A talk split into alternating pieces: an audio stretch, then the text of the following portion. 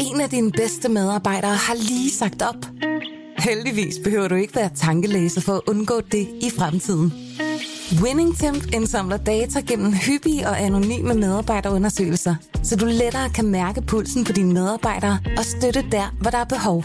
Kunder som Alfa Laval, Orkla og Volvo bruger allerede WinningTemp og ser, at det øger trivsel, reducerer turnover og hjælper med at fastholde talenter. Få gratis gennemgang allerede i dag på winningtemp.com. Velkommen til Morgenposten. Berlingskes nyhedsoverblik.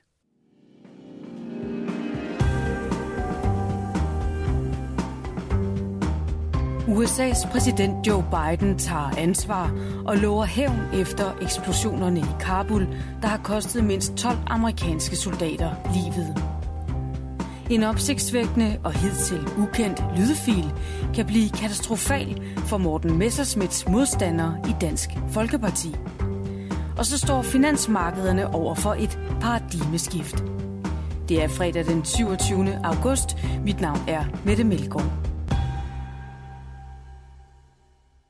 Efter en katastrofal dag i Kabul talte USA's præsident Joe Biden sent torsdag aften dansk tid til amerikanerne. Jeg bærer ansvar for alt, der er sket de seneste dage, sagde præsidenten. Han lovede, at USA på et tidspunkt vil hævne sig mod lederne af islamisk stat i Afghanistan, som stod bag dagens angreb. Vi tilgiver ikke, vi glemmer ikke, vi vil jagte jer, og I kommer til at betale, lød det fra Biden. Præsidenten afviger ikke fra planen, og derfor fortsætter evakueringerne indtil på tirsdag. Men Joe Biden sagde også, at situationen stadig udvikler sig i Afghanistan, og at han frygter flere angreb. De to eksplosioner, der torsdag ramte området foran den internationale lufthavn i Kabul, har kostet flere end 60 mennesker livet, heriblandt mindst 12 amerikanske soldater, bekræfter Pentagon. Statsledere fra hele verden fordømmer angrebene i Kabul, mens de hylder de døde amerikanere og civile. Blandt andre den danske statsminister Mette Frederiksen.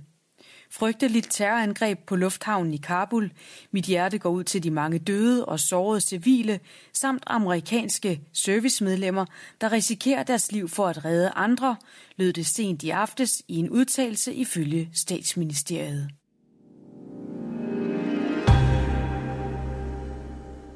Berlingske afslørede i en nyhed torsdag aften en hidtil ukendt lydfil fra Dansk Folkepartis sommergruppemøde i Skagen i 2015. Lydfilen dokumenterer, at der til sydladende blev afviklet et EU-seminar undervejs, som partitoppen var gjort bekendt med. Og det harmonerer ikke med udtalelser, som blandt andre Peter Skorup og Christian Thulesen Dahl tidligere er kommet med i retten i sagen mod Morten Messerschmidt. Og i dagens avis ser Berlingskes analytiker Bent Winter nærmere på konsekvenserne af den opsigtsvækkende lydfil, der altså kan vise sig at være katastrofal for Messersmiths modstandere i Dansk Folkeparti. Regeringen bærer en del af ansvaret for, at det nu er kommet til et indgreb i sygeplejerskekonflikten. Det mener i hvert fald regeringens støttepartier, som udtaler sig i Jyllandsposten i dag. Kritikken kommer efter, at regeringen i går fik Folketingets opbakning til at tvinge sygeplejerskerne tilbage på arbejde uden den ekstra lønstigning, som de har krævet. Og det harmonerer ikke med, at statsminister Mette Frederiksen tilbage i 2018 lovede, at en S-ledet regering ville modernisere den danske arbejdsmarkedsmodel og dermed mindske risikoen for konflikt og politiske indgreb. På den måde bærer regeringen nu en del af ansvaret for den her konflikt, dels ved ikke at ville lave en løsning sammen med de offentligt ansatte, og dels ved ikke at have kigget på den skævhed, der er i modellen, siger SF's gruppeformand Jakob Mark.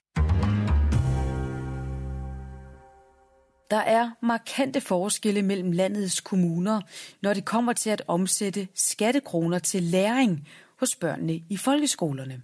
Det viser en ny analyse fra den borgerlige liberale tænketank Cepos. Og der er dårligt nyt til flere hovedstadskommuner. Det er oplægget til dagens lydhistorie fra Berlinske, som du får et uddrag fra.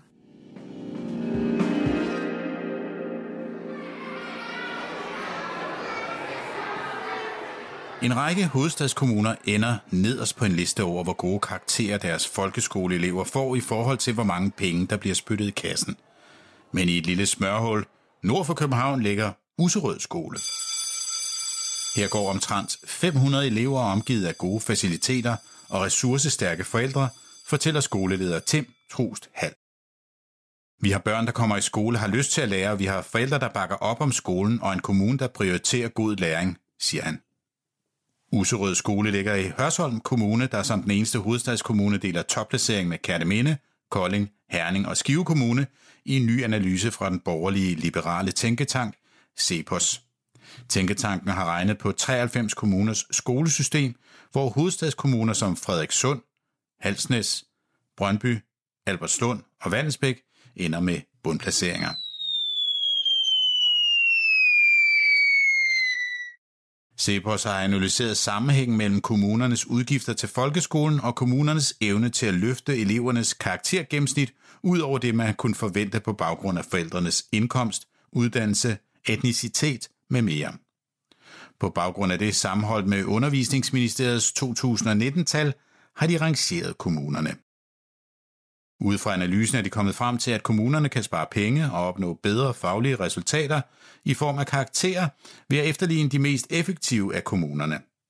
Eksperter er skeptiske, men først dykker vi lidt længere ned i beregningerne.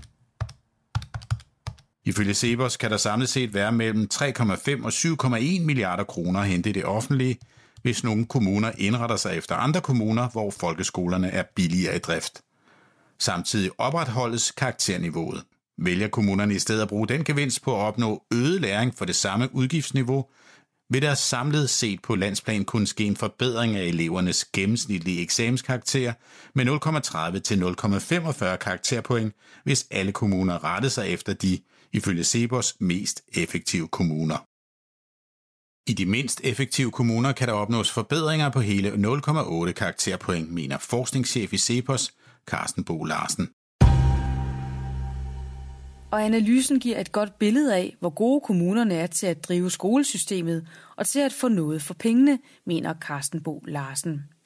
Cepos har ikke undersøgt, hvad der præcis gør, at nogle kommuner er bedre til at drive skoler end andre, men det ville være oplagt for kommunerne selv at dykke ned i, påpeger forskningschefen. Artiklen er skrevet af Mads Klitgaard, og du kan lytte til den i sin fulde længde eller læse den på berlingske.dk. Lige siden finanskrisen har finansmarkederne reddet på en bølge af gratis penge fra centralbankerne. Men den tid kan snart være slut, skriver Finans. I takt med, at det globale opsving bulrer løs og inflationen tager til, gør flere centralbanker nemlig klar til at skrue ned for deres opkøb og med tiden også til at hæve renterne, skriver avisen. Det her er mere end et politikskifte. Det er et paradigmeskift, siger investeringsdirektør i formuepleje Henrik Frank til Finans. Hvor mange penge er vi egentlig parate til at betale om året for at få stillhed og for at undgå gener fra motorveje i naturområder? Det har en ny rapport fra Københavns Universitet, der bygger på over 14.000 spørgeskemaer, sat kroner og øre på. Og undersøgelsen viser, at danskerne især gerne vil betale for at undgå støjen med gennemsnitlig 1900 kroner om året per husstand. Men når det kommer til at beskytte unik natur og vilde dyr, lyder beløbet på henholdsvis 860 og 800 kroner. Det er Kristelig Dagblad, der omtaler den store miljøundersøgelse. Coronavirusen har sat en kæp i hjulet på den globale handel, skriver Berlingske.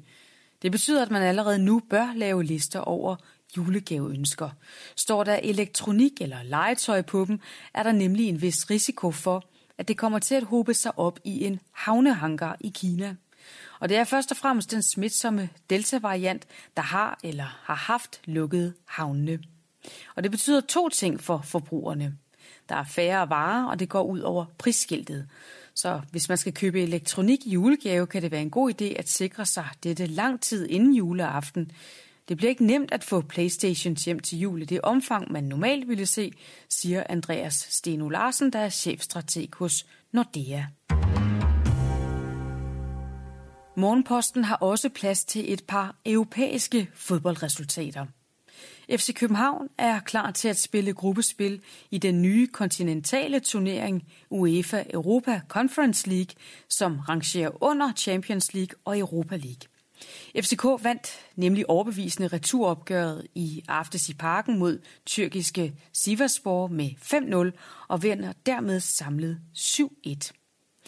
Randers FC skal også spille gruppespil i den nye turnering, men det sker efter et samlet 3-2 nederlag til Galatasaray i Europa League-kvalifikationen. Og det betyder altså, at det er tyrkerne, der tager billetten til den højere rangerende turnering Europa League, mens Randers kommer med i Conference League. Og der er lodtrækning til gruppespillet i dag. Og videre til nogle af de begivenheder, der finder sted i dag. Allerede klokken 9 indledes en konference på Københavns Rådhus, og den handler om at erstatte varebiler med ladcykler. Kulturhavn Festival begynder også i hovedstaden i dag, og den varer frem til søndag. Der er også kunst for alle pengene, når den internationale kunstmesse Inter Art Fair åbner for offentligheden i Nordhavn i det store venue Tunnelfabrikken. Og samtidig åbner kunstmessen Charlottenborg Charts. Det var alt fra Morgenposten på denne fredag, men vi er på banen igen i morgen tidlig fra klokken 6, og i morgen er det med Henriette Kirkegaard. Senere i dag kan du også lytte til en ny udgave af Pilestræden. Tak fordi du lyttede med, og rigtig god weekend.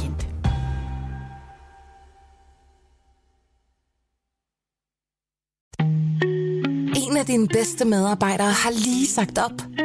Heldigvis behøver du ikke være tankelæser for at undgå det i fremtiden.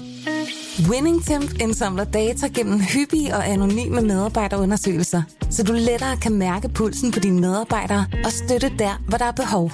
Kunder som Alfa Laval, Orkla og Volvo bruger allerede WinningTemp og ser, at det øger trivsel, reducerer turnover og hjælper med at fastholde talenter.